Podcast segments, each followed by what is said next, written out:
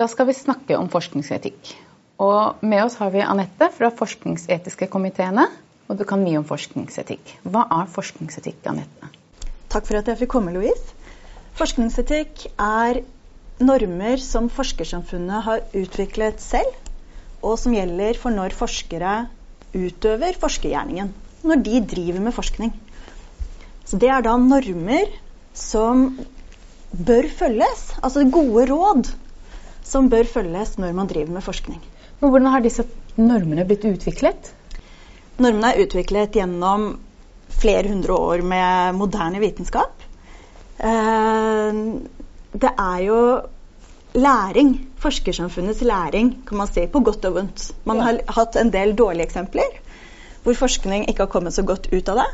Uh, og så har man lært, og så får man da etter hvert Det som er formålet med etikken, er jo å utøve god og ansvarlig forskning. Ja, Men er det noen forskjell mellom normer og regler, da? Rettsreglene regulerer jo, det er eh, det som ligger utenfor. Noen kaller rettsregler for stivnet etikk. Mens etikkens formål er å åpne et rom for refleksjon. For slik at forskere kan gjøre det som er mest ansvarlig og riktig for å få en god forskning.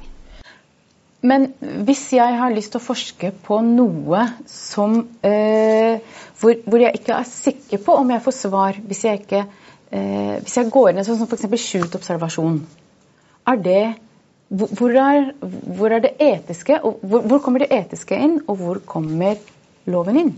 Og hvordan skal vi håndtere dette? Der er det en del regler som sier noe om f.eks. dette med personvern, personvernsregler, som sier hva du har lov til og hva du ikke har lov til å gjøre. Men selv om du har lov til å gjøre noe, så har du fortsatt en forpliktelse til å tenke gjennom om det du gjør, er gjort på en ansvarlig måte. Så du kan drive med skjult observasjon også innenfor forskningsetikken. Den åpner opp for det, men du må ha tenkt gjennom. Hva påfører du av skade?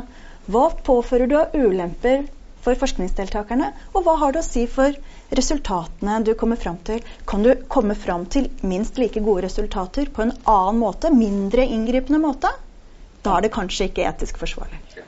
Så Anette, da kan vi egentlig oppsummere med at forskningsetikk det er moralske normer, da, og ikke rettsregler? Ja, det stemmer.